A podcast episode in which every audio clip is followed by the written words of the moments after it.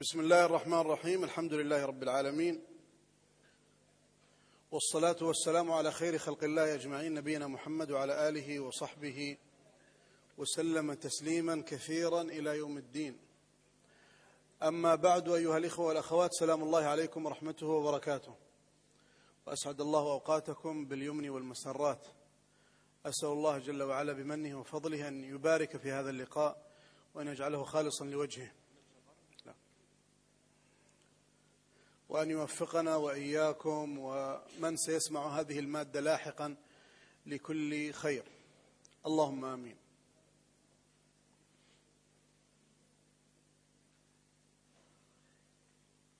أيها الإخوة والأخوات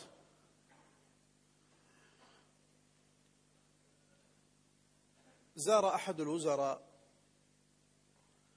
مستشفى المجانين. ومر على كل الأقسام. ثم وصل بعد ذلك إلى قسم المجانين الذي وصلوا إلى مرحلة هي أشد المراحل وأصعبها. هي أشد المراحل وأصعبها. ولم يستطع وخاف الوزير بأن يدخل في هذا المكان أي مكان المجانين الكبار العتاولة. فقال له الرجل دعنا ندخل. وفعلا دخلوا. لم ينظروا من الأعلى. في البداية كانوا في مكان مرتفع ونظروا إلى المجانين وهم في الداخل يعني في حالة يرثى لها. فقال مدير المستشفى للوزير ما رأيك ندخل إلى الداخل؟ قال كيف أدخل مع المجانين؟ قال دعنا نجرب. ففعلا دخل الوزير والمدير مدير المستشفى إلى مكان هؤلاء المجانين وجلسوا يمشون معهم. ثم خرج الوزير سالما فقال هذا شيء عجيب. يقول الوزير لمدير المستشفى قال نعم. هل رأيت مجانينا يوما ما اجتمعوا؟ هل رأيت مجانينا يوما ما اجتمعوا؟ إذا لا يجتمع أيها الإخوة على الخير في السراء والضراء إلا العقلاء الذين يبحثون عن نفع الأمة الذين لديهم هدف كبير يتناسون فيه كل شيء من أمورهم الشخصية أو المؤسسية أو غيرها من أجل نفع الناس. فكيف إذا كان هذا الهدف هو أعظم هدف؟ بل من أعظم الأهداف بل يتعلق بأعظم كلام في الدنيا وهو كلام الله سبحانه وتعالى. يجب على كل إنسان عاقل أن يستوعب هذا الهدف الكبير وأن يجعل نشر كتاب الله عز وجل قضية كبرى في حياته. وأن لا يمارسها بنوع من الإخفاء في بعض الأحيان. ونرجو أن نعتني بهذا. لأننا نحن نتكلم اليوم على أفكار ومشاريع. وكان بإمكان أي إنسان أن يجعل هذه المشاريع في زاوية ضيقة في حلقة من الحلقات في أحد الأحياء أو في منطقة معينة وتنتهي القضية. لكن قضيتنا أكبر من هذا. وقضيتنا ليست دولة معينة. نحن قضيتنا قضية إسلام قضية دين قضية نشر هذا الكتاب العظيم الذي جعله الله ذكرا لنا كما قال الله عز وجل وإنه لذكر لك ولقومك. وصدق المصطفى صلى الله عليه وسلم حينما قال إن الله يعز بهذا القرآن أقواما ويذل به آخرين. ولا شك أن من أعظم صور العزة هو أن يسخرك الله عز وجل لخدمة هذا الكتاب. بأي صورة من صور الخدمة. ويكفي شرفا لكل أستاذ لكل معلم في هذه الحلق قول المصطفى صلى الله عليه وسلم. خيركم خيركم من تعلم القرآن وعلمه. فلا شك أن هذه الخيرية ينبغي أن تسري في الإنسان وألا يجعلها محصورة في مكان ما. بمعنى أيها الإخوة أنه ستمر عليك مشاريع كثيرة. ستأتيك فكرة أحيانا من غير موعد من خلال مواقع الإنترنت أو غيرها أو تسمعها من شخص له علاقة بالقرآن الكريم أو تذهب لزيارة مجموعة من حلق القرآن والمراكز القرآنية المميزة فتأتي آه، فكرة جميلة ورائعة وتطورها ثم تبقى هذه الفكرة حبيسة في أدراجك أو في حلقتك. إنني أدعو من هذا المنبر كل أخ وأخت لهم علاقة بكتاب الله عز وجل اطلعوا على فكرة ما فليحرصوا على أن تنتشر هذه الفكرة بأكبر قدر ممكن وسينالك أجرها بإذن الله جل وعلا. وها هي الأمة على مر العصور تتناقل الخير وكلما كان الإنسان أكثر حسدا كلما قلل الله بركة حياته في العاجل والآجل. وكم من أيها الأحبة حرموا أنفسهم من نشر العلم بسبب مثل هذه الأمور. ولهذا لا يفلح متكبر أو, ساح أو, أو حاسد أو, أو, أو لا يفلح متكبر في العلم ولا حاسد أيضا لهذا العلم الذي يجعله في دائرته الضيقة دون أن ينشره للناس. إذن هي دعوة في أول هذا اللقاء أن نتواصى فيما بيننا وأن يكون لنا مجموعة أو منتدى أو في الواتساب أو غيرها نتواصى بأي مشروع جيد ومميز ندل عليه إخواننا. القضية ليست أن الحلقة هذه ينبغي أن تكون مميزة. لا ينبغي أن تكون كل الحلقات مميزة. ينبغي أن تكون خدمة القرآن كلها مميزة ليس في جهة واحدة. الذي يريد فقط أن يشار إلى حلقته ولمركزه القرآني بالبنان والبقية لا يهمه هذا ليس بالصحيح وهذا خلل في الإخلاص. ولهذا يقول الشيخ محمد عبد الوهاب في شرحه لأحد أبواب كتاب التوحيد وهو باب الدعاء إلى شهادة أن لا إله إلا الله قال وكثير من الناس إنما يدعون إلى أنفسهم. وهذا صحيح.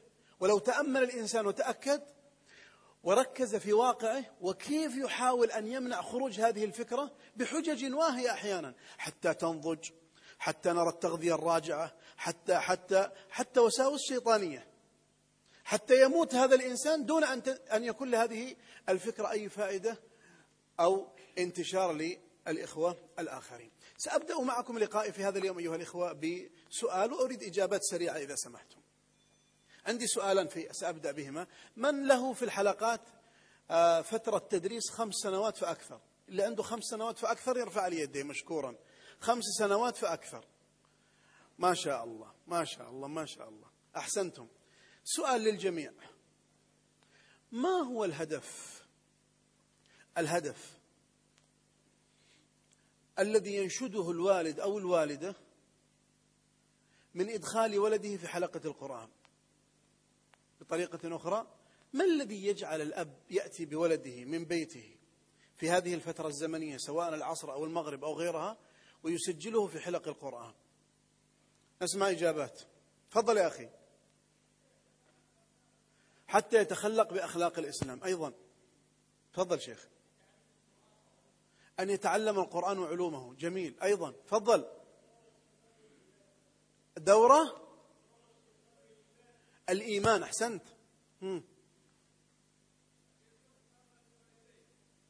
يعني كنتيجة وأثر لهذا القرآن الكريم. ماشي. يعني أخلاق الإسلام ومن ضمنها البر. أيضا.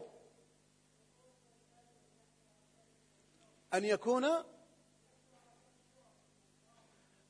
ها تتكلم على هدف أخروي. جميل. كلما ركزنا على الهدف الدنيوي جيد. هم.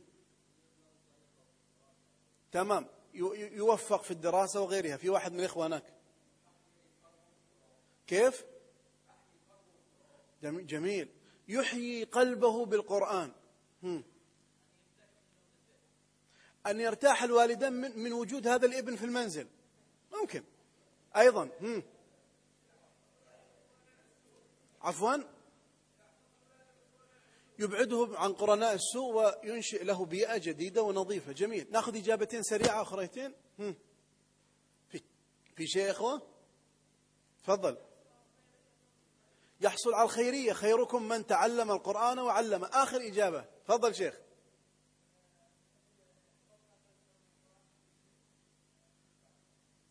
تمام. يتقن عن القرآن قراءة القرآن بتجويده ونحو ذلك. جميل. سمعتم الإجابة أيها الإخوة. وأكيد كل إنسان منكم لديه إجابة. السؤال. الأهم من هذا. أنت الآن الذي ذكرت الهدف؟ أو لا يزال الهدف في نفسك ولم تقله في, في هذا اللقاء. هل حققته في حلقتك؟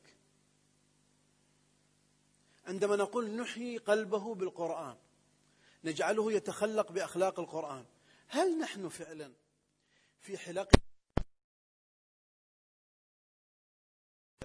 بحيث أن الإنسان إذا دخل عندي في الحلقة فأنا أرى الصورة النهائية له وأن الشاب أو الطفل إذا دخل في عمر ست سنوات فأنا بإذن الله سوف أخرجه بعد عشر سنوات خمس سنوات سبع سنوات على حسب جلوسي في هذه الحلقة بصورة واضحة في ذهني. إيش الأخلاق التي سيأخذها والجوانب العقدية وهل سيعرف سيرة النبي صلى الله عليه وسلم أم لا؟ إلى غير ذلك. هل هذا موجود في حلقنا أم لا؟ أسأل. ترون هنا ليس لا أحد يخاف من العين؟ شاء الله ما يصيبكم شيء بإذن الله. تمام؟ وليس هو مكان رياء ولا سمعة. نحن هنا جئنا لنتعاون ولهذا قدمت المقدمة الأولى. هل هذا موجود؟ بمعنى أنه يأتيك طالب الآن اسمه محمد ابن كذا ابن كذا وسجل عندك في الحلقة وإن شاء الله ستقول لوالده إذا جاءك وسألك السؤال ولدي اليوم سجل عندكم إيش بتعطوه؟ يقول والله إحنا عندنا كذا وكذا وكذا. وإن شاء الله بعد ثلاثة أسابيع سوف يحصل ولدك على المعلومات التالية. موجود هذا أو لا؟ موجود صح؟ موجود لا أقصد موجود بالنية؟ تمام ولا موجود بالحقيقة؟ العملية أيضا. جميل. أحد في في مشروع عندك شيخ؟ هل لديك مشروع أنت تطبقه؟ موجود؟ من سن كم إلى كم؟ أنا أسألك سؤال آخر. لا إذا عندك طفل جاك أو شخص عندك خمس سنوات له خمس سنوات في الحلقة يعني عمره 11 سنة الآن. تعرف ماذا تعطيه؟ يعني في الأسبوع الأول من السنة الأولى من الشهر الأول تعرف ماذا تعطيه؟ تعرف ولا لا؟ آه في برنامج موجود. لو جئنا بشخص الآن موجود عندكم في الحلقة له أربع سنوات وبدأنا بسؤاله عن معاني الكلمات في جزء عامة يعرف ولا ما يعرف؟ ها؟ يعرف ولا ما يعرف؟ ما يعرف. هل لدي مرت عليك هذه الحادثة؟ طالب من الطلاب لما قرأ العليم الخبير شعر بتأثر؟ وبدأ يتدبر هذا المعنى؟ موجود ولا مو موجود؟ ها؟ يحصل صحيح؟ تمام. طيب موجود ولا غير؟ إن شاء الله موجود. طيب خلونا ننتقل إلى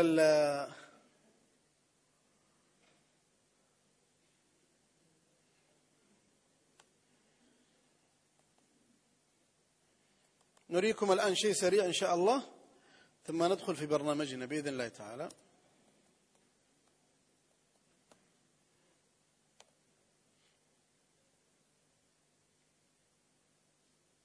طيب إخوان الكرام من المهم أن نعتقد الشيء التالي أن فاقد الشيء إيش؟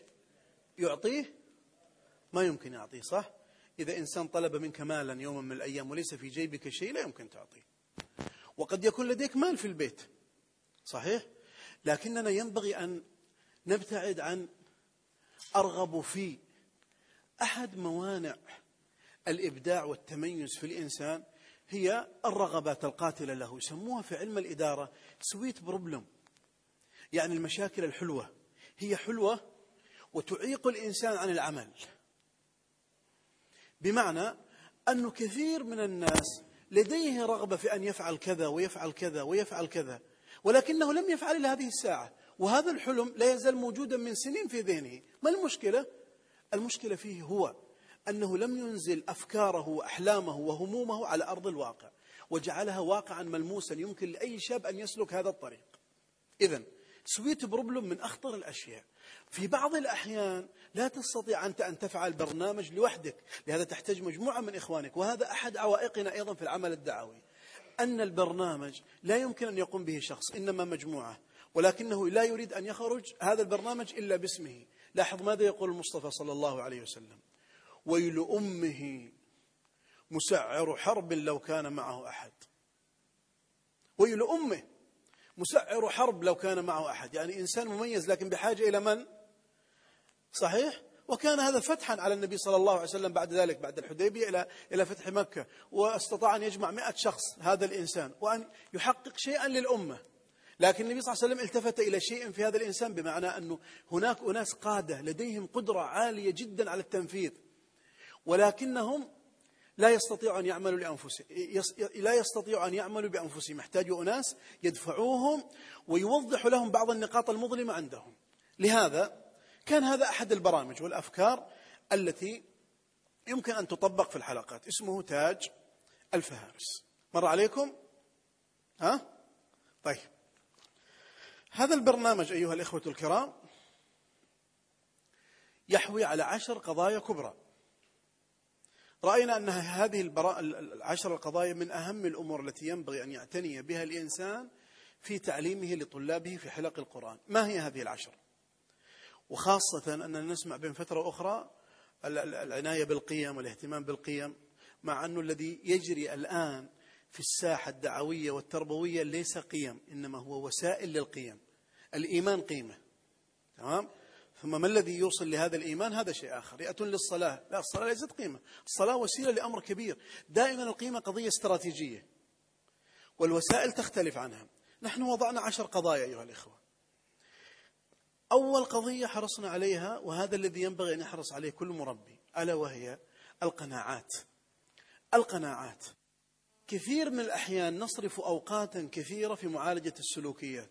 وننسى الأسفل. أسفل الجبل هو المهم. وهذا الأعلى. تستهدف كثيرة في حياتنا في معالجة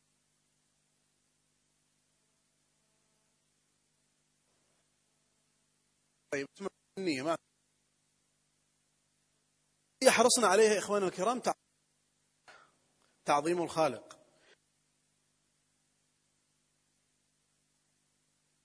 بس حتى الأخوات يسمعوا.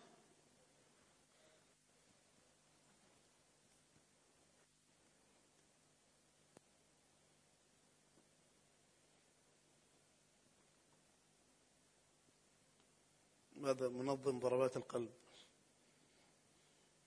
كذا؟ والله المنظر مش كويس يا أخي الناس في كاميرا وفي أشياء. يعني خلى كذا أحسن. بس. قن ها هذا برا إيه. طيب. ليش ما في يجي انت يمسك كذا؟ طيب. أنت صح خلي التصوير هنا بس على هذه الجهة. ماشي يا إخوة؟ وضعنا عشر قضايا. تعظيم الخالق لذة العبادة علموا أولادكم الصلاة لسبع ما هي الممارسة العملية التي تفعلها الحلقة لمساعدة المنزل على غرس هذه القضية في نفسه؟ محبة النبي صلى الله عليه وسلم القرآن منهج حياة استثمار التاريخ.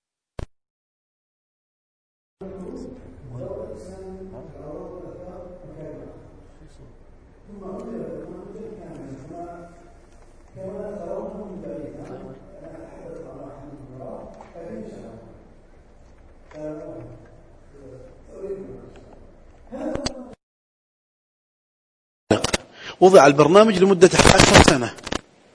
شخص دخل وعمره ست سنوات تعرف ماذا تعطيه في الشهر الأول؟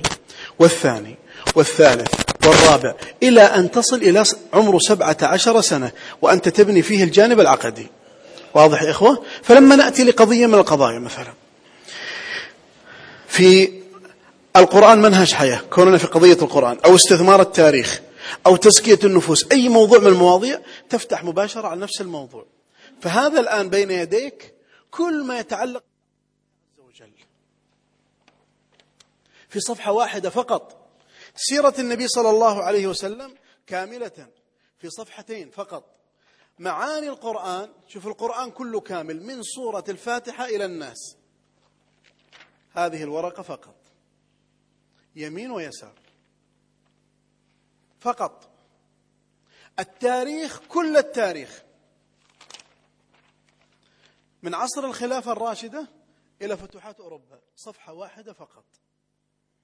لذة العبادة محبة النبي صلى الله عليه وسلم القرآن منهج حياة كل التي ذكرناها إضافة إلى مجموعة من الأشياء أضيفت مثل التربية والتعليم مفاتيح العلوم الذكاء والموهبة دورات تدريبية صحة الإنسان ووظائف المهن. هذا الموقع إن شاء الله بنهاية هذه السنة ستكون فيه مئة ألف شجرة علمية. مئة ألف شجرة علمية. الموجود الآن فيه 18 ألف شجرة. فأنت عندما تريد مثلا أحد المواضيع سواء إلقاء أو درسا أو نحو ذلك تفتح مثلا على مكارم الأخلاق. تنزل لك كل مواضيع مكارم الأخلاق. فيها 63 شجرة رئيسية وفيها فروع 3987 فرع ثم فيها الأدلة التي استدل بها هنا 4341 فرعا. وثم مجموعة من الأخلاق. لو أخذنا مثلا بر الوالدين وضغطنا على بر الوالدين سوف يخرج لنا ما يتعلق ببر الوالدين كما تلاحظون هنا فضائل بر الوالدين وثمرات بر الوالدين وما يختص به الوالد دون غير إلى غير ذلك. ثم هنا في الجهة اليسرى كل ما يتعلق بالموضوع من القرآن والأحاديث ثم القصص ثم آثار السلف ثم الأشعار ثم الصوتيات ثم المرئيات ثم بعد ذلك الصور ثم الكتب والمنشورات ثم هذه أشياء عامة إضافة إلى ألعاب للطفل الصغير. فأنت تريد أن تزرع قضية بر الوالدين فيه من خلال الرسوم. عندنا الرسوم أيضا ستجدها هنا في أي موضوع من المواضيع. وقس على هذا. ولا أريد أن نطيل في هذا يمكنكم الرجوع إليه إن شاء الله. وسأدلكم على أربعة مواقع أشرف عليها هذا أحدها. نحن أطلقناها الآن حتى إن شاء الله يستفيد الإخوة منه وتستفيد منه الحلقات. تمام؟ مجاني ها؟ ما في فلوس. جيد؟ خلونا نعلم دائما أنفسنا ها؟ نفع الناس. نفع الناس مطلب. كل ما حصرت الشيء عندك كل ما تعبت يعني بشكل كبير جدا جدا. فهذا يقدم خدمة كبيرة إخواننا الكرام ويقدم لك كتب وسواء المواضيع. يمكن أن تجعل أنا أعجبني مرة كنت ألقي محاضرة كذا سريعة المقارنة بين التعليم الياباني والتعليم الأمريكي والتعليم العربي. ما في داعي للنتيجة النهائية لكن كنت وجدت معلومة عجيبة أنه في أول متوسط يعطون الطلاب في اليابان مجموعة بحوث. فجلست أقرأ عناوين البحوث. العنوان الأول أثر الحرب العالمية الثانية على اليابان. علاقة الإمبراطورية اليابانية بالعالم. أولى متوسط. الآن تعطيه في الجامعة يقول لك هذا رسالة ماجستير. صحيح؟ أولادنا لديهم قدرة عالية جدا لكن يريدون مدرس عالي جدا.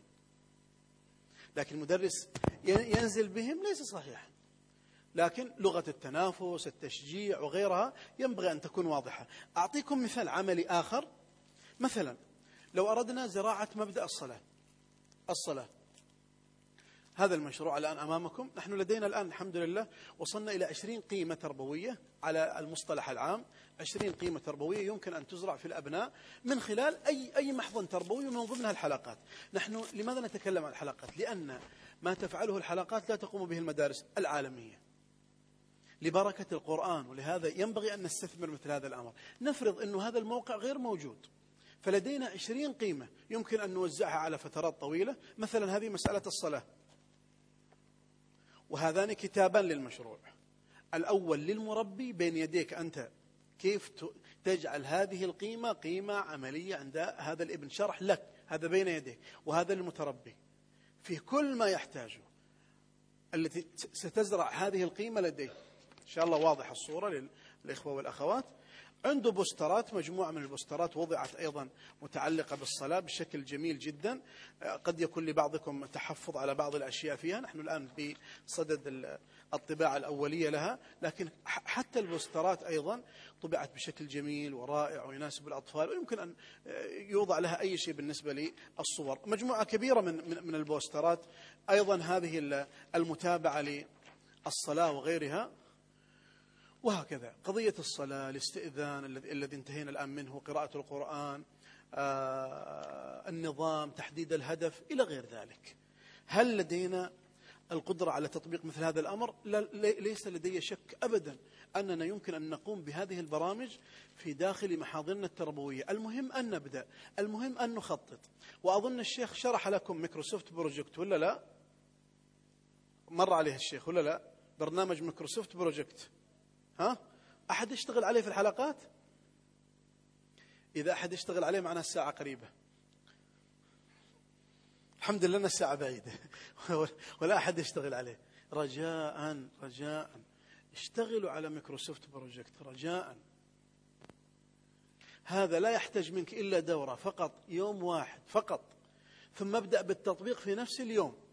هذا تضع خطتك للسنة كاملة يعملها لك في أقل من خمس دقائق. فقط تعطيه المعلومات وعدد الطلاب ومكان والحفظ الذي سيحفظوه ومقدار الحفظ لكل أحد ثم مباشرة يحولها لك إلى خطة لمدة سنة ويتابع معك. ضروري استخدام هذا البرنامج يا إخوة. أي إنسان عنده عمل خيري أو عمل مؤسسي أو حتى في بيته استخدم Microsoft Project على زوجتك وأولادك ستجد فائدة كبيرة جدا. ثم فيه فائدة أنه ممكن يحول لك على ال MindManager مباشرة. لو تريد لأنه أحيانا الخطة شوي طويلة فتحتاج إلى حتى تنظر إليها أن تفتح أكثر من صفحة. ال mind map أو MindManager تضعها لك في صفحة واحدة فقط. بزر في أقل من ثانيتين وإذا بالمشروع كله كامل على الخرائط الذهنية. هذه مشاريع جيدة وتعطي الإنسان بعد آخر. واليوم رأيتم عند الشيخ يوسف وهو إنسان متميز جدا جدا جدا في هذا العالم. الاستفادة منه ونحن دائما ننادي في كل مؤتمر الجمع بين الأصالة ها؟ ونوقف عند الأصالة. طيب دف نفسك شوي. اطلع على المعاصرة ترى في ناس كثير يمكن أن يستفيدوا منك بإذن الله تعالى. المشروع الثالث. يا أبا عمير ها؟ ما فعل النغير. نزول لمستوى الشاب نزول إلى مستوى الطفل. وإذا جاء شاب بطريقة معينة يستعمل معه النبي صلى الله عليه وسلم أيضا أسلوبا معينا أدنه أدنه يستخدم معه المنطق الاجتماعي ثم بعد ذلك يدعو على ويضع يده على صدره ويدعو لهذا الشاب ثم تذهب بعد ذلك. يا غلام سم الله وكل بيمينه قال ما زالت تلك طعمتي إلى أن لقيت الله عز وجل بمعنى. نحتاج أن نصحح المفهوم التالي. لدينا مشكلة في عملنا التربوي وهي المربي السوبرمان. بمعنى بتاع كله. يعني يصلح لتعليم الأطفال والشباب تمام؟ والجن والإنس والعرب وغير العرب وهكذا. هذا ما يصلح يا إخواني. ينبغي أن نكون واقعيين مع أنفسنا. نعم لدينا طموح وهمة عالية الحمد لله هذا عمل صالح. لكن دائما يقولون كلما كان الإنسان عالي الهمة يحتاج إلى تحديد اتجاه. حدد اتجاهك من الآن. لماذا تدرس كل المراحل؟ ركز على مرحلة الطفولة ركز على مرحلة المراهقة المبكرة ركز على مرحلة المراهقة المتوسطة ركز على مرحلة المراهقة المتأخرة حتى تبدع في هذا وتتميز. أما الشخص هذا المدرس السوبرمان الذي يستطيع أن يدرس كل شيء أنا أتصور أنه هذا ذهب زمانه. ممكن شخص يفعل هذا لما يكون في منطقة ليس فيها إلا هو أو مجموعة من الإخوة يمكن. لكن عدد كبير في دولة آه، تدفع وأموال ونحو ذلك على على هذا الشخص وتعطيك برامج ونحو ذلك. ركز تخصص تميز. ولهذا أتمنى أنكم من خروجكم من هذه القاعة يا إخواني الكرام أن الإنسان يركز على فئة معينة يبحث عن كتبها وعن المواقع الخاصة بها. وعن البرامج المتعلقة بها وهكذا. أطفال ما دون سن الدراسة. هل هناك حلقات موجودة لسن ثلاث سنوات؟ في أخوة ولا ما في؟ أجيبوني. ما في ها؟ حتى بالنية؟ ها؟ الوزارة ليس هناك شيء. طيب لما لا يستفاد من بعض التجارب؟ أنا وجدت برنامج لطيف جدا لأحد الإخوة يعلم الأطفال من سن ثلاث سنوات. تمام؟ آه طبعا بهدوء لأنه الحقيقة هناك بعض التجارب في هذا الأمر مرهقة لذهن الصبي. والمربون دائما من القرون الأولى والذين كتبوا في أدب الطلب ينهون عن هذه المسألة أن الصبي يرهق ذهنه في أول حياته بمحفوظات قد تجعل عنده ردة فعل. لهذا التعليم بالترفيه وإدخال القرآن عليه يعني كانت له نتائج وثمار طيبة. رأيت مدرسة الحقيقة من المدارس الرائعة جدا في مصر ويحفظ الأطفال من سن ثلاث سنوات. إذا وصلوا خمس سنوات حافظين للقرآن كاملا. ورأيتهم وهم يحفظون القرآن. لا زلت أذكر طفلة اسمها خديجة عمرها خمس سنوات تتلوه من أوله لآخره بالتجويد. أما القراءة طبعا فيقرؤون بالكامل. يعني تعطيها المصحف تفتح المصحف وتقرأ من أوله إلى آخره دون أن تخطئ. هذه تجربة رائدة. على الأقل تستنسخ التجربة ثم تحاكم بعد ذلك. تمام؟ يعني لا نأخذ كل شيء بعجره وبجره بل نجلس مع الأخ وننظر جوانب التميز فيه وجوانب القصور وهكذا. يقولون دائما هذه فائدة على الطريق. كل فكرة إبداعية تحتاج إلى أربع أربع مراحل. صحيح؟ أول شيء مستكشف ثم فنان ثم قاضي تمام؟ ثم جندي. أول شيء واحد يستكشف. ثم بعد ما يستكشفها تجي للقاضي يحاكمها ويرى مناسبتها للمجتمع ونحو ذلك حتى يقول والله هي بهذه المواصفات تستحق أن تنزل للناس. تروح للفنان. الفنان ماذا يعمل؟ يعمل جودة عالية لهذا المنتج ويخرج للناس بعد ذلك بشكل رائع وجميل. ثم يأتي المم... الشخص الذي ينزل للميدان وهو الجندي. نحن نحتاج جنود يمكن أن يعملوا هذا العمل. هذا مشروع التعليم لمرحلة ما قبل الدراسة كله كامل بفكرته وتجاربه وما الذي يتعلم أيضا في هذا المشروع. والفصول وعددها وتأهيل المعلمات إلى غير ذلك. هذا أحد البرامج ويقوم عليه أحد الإخوة يقال له يحيى بشير. دعوني أذكر لكم برنامج سينزل إن شاء الله تطبيق بإذن الله تعالى. مجاني. تمام؟ هذا التطبيق يستهدف الأطفال الصغار. طبعا هذا شكل التطبيق وهذا البرنامج الآن كاملا لم ينزل كتطبيق فقط الآن في طور الدراسة. خلص على وشك إن شاء الله.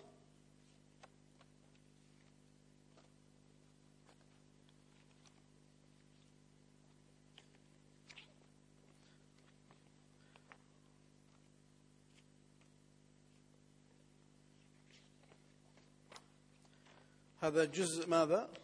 عما وسيكون بهذا الشكل إن شاء الله. حتى التطبيق لما يفتح سيكون بهذه الطريقة. انتهى من حفظ مجموعة من الصور يأخذ الملصق. طبعا هنا ملصق لأنه سيخرج أيضا بصورة بصورة كتاب ثم يضعه في هذا المكان ويأخذ التحفيز الموجود عنده. عنده هنا هدية ثم بعد ذلك هدية ثم رحلة وهكذا.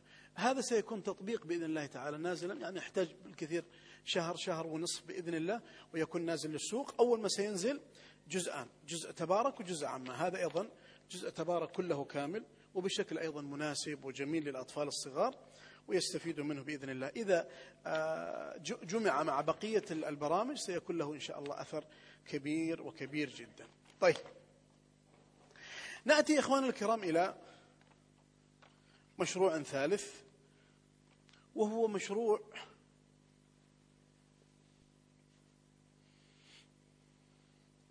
برنامج التفسير التربوي. آه،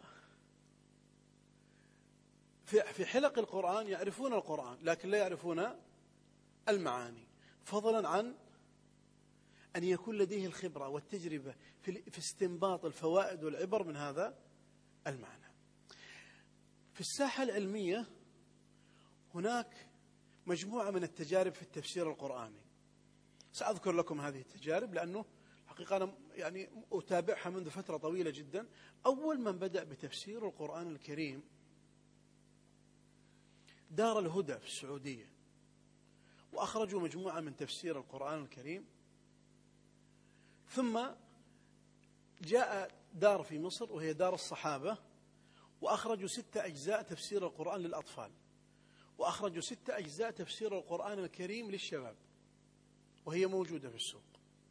ثم خرج بعد ذلك تفسير القرآن للناشئين. لإثنين من الإخوة أحدهم عبد الحليم عويس. تمام؟ ثم خرج كتاب آخر لسليم اللبابيدي. خرج منه أربعة أجزاء صغيرة بعنوان تطبيقات وتمارين على صور القرآن الكريم. ثم خرج تفسير آخر تفسير آخر من دار البشائر. مجلد واحد لتفسير جزء عما وهو من أميز التفاسير حقيقة الموجودة الآن في السوق.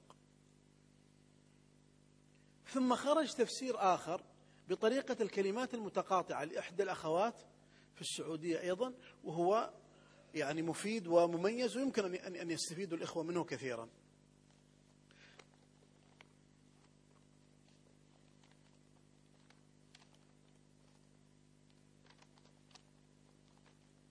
هذه التفاسير أيها الإخوة التي ذكرتها لكم آه، هناك شيء منها تقليدي بمعنى كأنه استنسخ بالكثير ثم رتبه فقط بطريقة جديدة.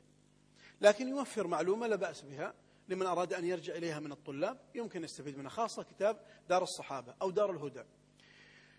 أما الشيء العملي الذي بين أيديهم فأنا أقترح أن يكون إذا أردنا أن نعلم قضية التفسير فلنحرص على أمرين كتاب سليم اللبابيدي سليم اللبابيدي ودار البشائر. دار البشائر. كتاب عبد الحليم عويس لا بأس به عنده مشكلة في قضية الأسماء والصفات ينتبه لها الشخص في أثناء قراءته في هذا الكتاب وأنا لا أنصح به في التوزيع لكن من أراد أن يقرأ أو يعرف التجربة والعمل الذي قام به هذا الإنسان يمكن يستفيد منه كأشخاص كبار. نحن في حلقة القرآن عملنا ملف سميناه الملف التعليمي. هذا الملف أيها الإخوة حرصنا فيه على تعليم الأبناء جزء عامة وجزء تبارك. وفعلا الحمد لله في إحدى الإجازات الصيفية انتهينا من تفسير جزء عامة وجزء تبارك. عبارة عن أسئلة وألعاب أحيانا وتلوين ونحو ذلك نوصل إليه فكرة معنى هذه. كما تلاحظون هذه مجموعة من الأسئلة على صورة العاديات مثلا وهذا على صورة القارعة. وهكذا. كان هذا ملف طبعا تعليمي ثم وضعنا له قضية تلوين وتلوين نحن نتعامل مع أطفال صغار. ثم وضعنا له معلومات قرآنية من خلال الكلمات المتقاطعة التي ذكرناها لكم قبل قليل. ثم بعد ذلك وضعنا له لعبة بسيطة يمكن أن يجد فيها نفسه من غير أي محذور شرعي. هذا إن شاء الله سيتحول بإذن الله تعالى إلى شيء إلكتروني وتقني بإذن الله. لكن فكرته هو جمع مادة علمية من أكثر من كتاب وتوفيرها لهؤلاء الطلاب. يمكن لأحدكم بإذن الله تعالى يوم من الأيام أن يأتي بشيء جديد ومميز وأن يضيف إضافات لهذه لهذا الفن. هناك مشروع آخر يقع في ثلاثين جزء مثل هذا. من إصدار دار الجيل في مصر وأنا أنصح به كل الإخوة اطلعوا عليه على الأقل. من إصدار دار الجيل اسمه المشروع كله كامل كلمة من القرآن الكريم. للفتيان والناشئين. كلمة من القرآن الكريم. وجاء بثلاثين كلمة واشتغل عليها. في كل حرف كلمة. أجر بر توبة ثواب جزاء حسنة خير إلى آخره. ثم بعد ذلك وضع برنامجا متكاملا لهذه الكلمة في القرآن الكريم. فمثلا نفتح الكلمة أجر. هذا الغلاف الخارجي.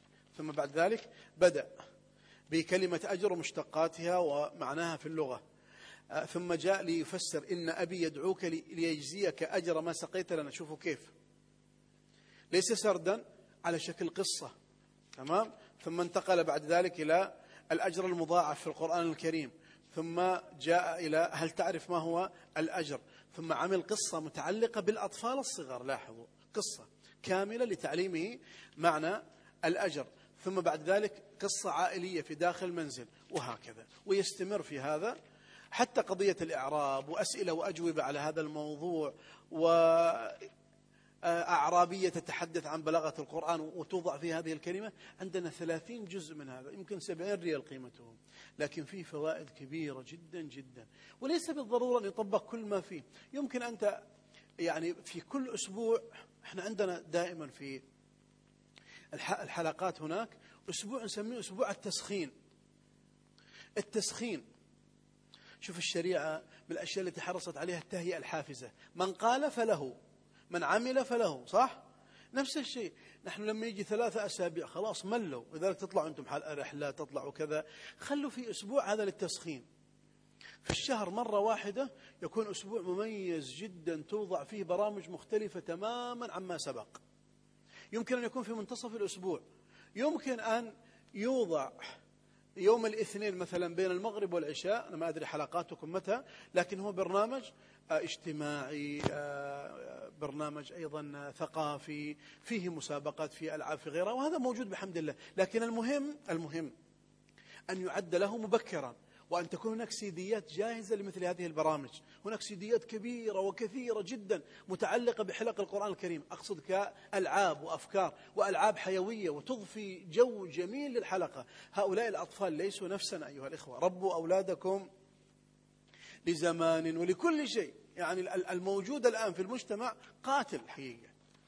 لكن نحتاج نحن أن نقدم رؤية إن شاء الله جميلة ورائعة. من أراد منهجا أكبر؟ فهناك آه، دور كثيرة اشتغلت على مناهج حلق القرآن بمعنى أنه بعض الإخوة وده يزيد شيء ويتعلق بالسيرة النبوية أو بالفقه أو نحو ذلك. وتعرفون فقه السنة ولا لا؟ لمين؟ لا في فقه السنة للأطفال. إن شاء الله. فقه السنة للأطفال كتاب واحد. وفي فقه السنة للبنات. جيد أنه يستفيد منه الأخ مثلا في الحلقة ونحو ذلك. هذا منهاج الطفل المسلم من إصدار دار السلام في مصر ودار اليمامة في دمشق من إعداد الدكتور إبراهيم العاني. حقيقة المناهج التعليمية حاولت أن أجمعها لفترة طويلة جدا وأنا أنصح إخواني الكرام بالتواصل مع الهيئة العالمية للتعليم.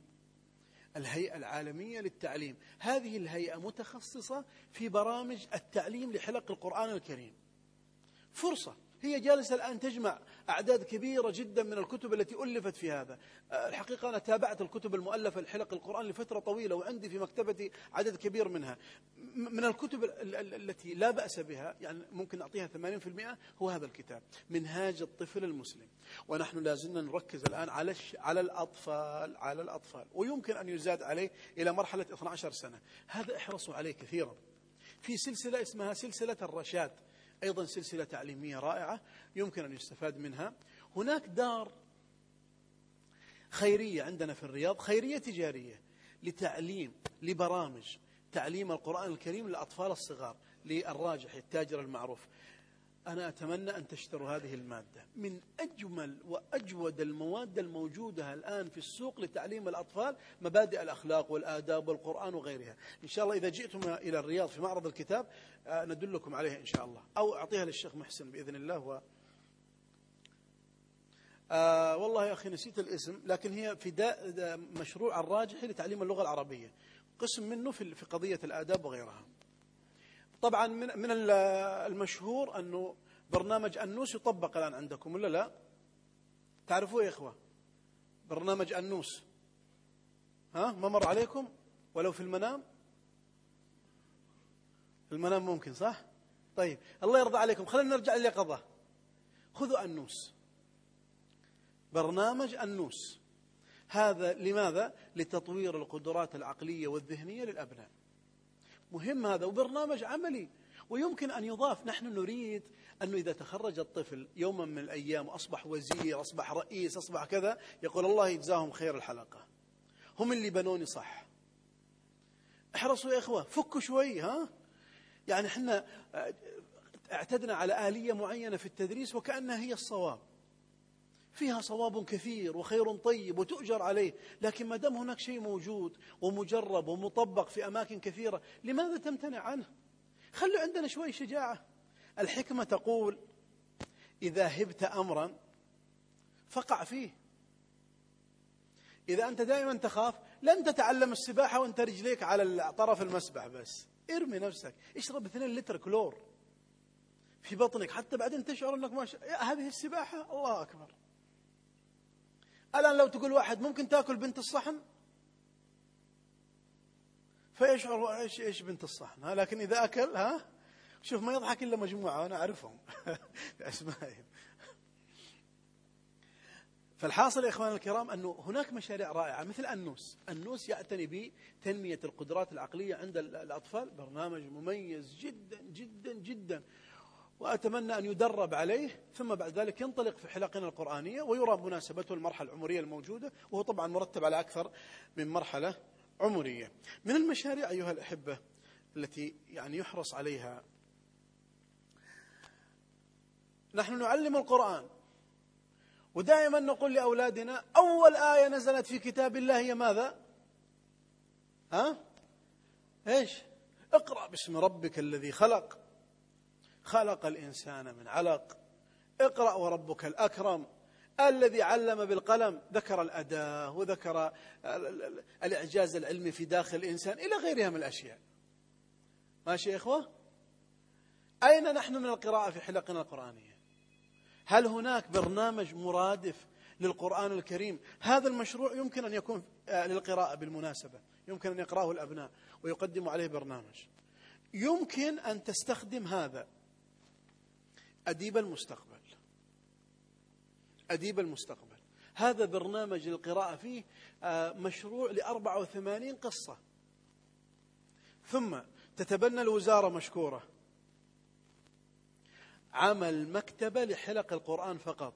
تناسب المرحلة العمرية التي هم فيها الأطفال إذا خمس سنوات ست سنوات هذا المسجد آه، لمرحلة عمرية معينة توفر الكتب المتعلقة بنفس المرحلة العمرية. سؤال يا إخوة. من لديه مشروع مصاحب مع القرآن الكريم للقراءة؟ أن يقرؤون قصص يقرؤون أشياء تناسبهم في دينهم. من يا إخوة؟ ولو بالنية. النية موجودة ها؟ محلها وين؟ كانت القلب خلاص.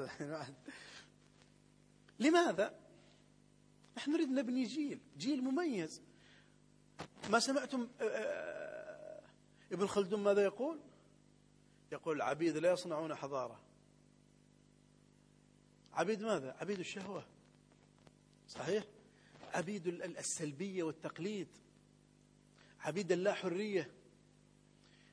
عبيد التلقين. إنه يجي من الصباح هو الصباح ما شاء الله يدهر بس. كله كلام يسمع. إذا جاء الحلقة بس يسمع أو صامت يردد مع نفسه. ولهذا لاحظوا السلف رحمهم الله تحصل في شيخ الوظائف اللي موجودة في المسجد شيخ ومستملي صح؟ عشان الناس اللي تسمع بعيد. وفي واحد ثالث من هو؟ ها؟ المعيد. المعيد ما هو مهمته. المعيد شخص مميز عند الشيخ يتولى إعادة الدرس لبقية الطلاب. أين المعيد في حلقاتنا؟ والله لو كنتم في الآن في مسجدي لرأيتم بجوار الشيخ طاولة مباشرة بجواره ليس بينهم إلا مترين أو ثلاثة اسمها المعيد. إذا زرتوني في المسجد إن شاء الله سترون هذه اللوحة. المعيد شاب مميز يظل الطفل أو الشاب 11 سنة في المسجد 10 سنين ما يوم من الأيام شعر بأنه له قيمة. فقط يتلقى. صحيح قد يقوم ببرنامج معهم لكن دعه في المسجد يشعر بأنه أستاذ. أعطيه أطفال أعطيه أناس يحفظهم. في المدارس اليابانية عندهم شيء عجيب. المدرسة إذا أرادت تتكلم مع الطلاب ماذا تقول له يجاوب الطفل ها؟ تفضل يا أستاذ إبراهيم. أولى ابتدائي. أستاذ. تمام؟ يعلق أبو أحمد زويل ورقة على بابه الدكتور أحمد زويل. وما ذلك على الله بعزيز. أين نحن من هذه الألفاظ التشجيعية؟ أين نحن حتى من الكنى في الحلق القرآنية؟ يشعر الإنسان بأن له قيمة. يا أبا عمير ما فعل النغير. هو يا إخواني طفل صغير. أي كنية؟ لا عنده لا زوجة ولا ولد ولا تلد صح؟ ومع هذا انظر لهذا الاحترام. يا أبا عمير له اسم.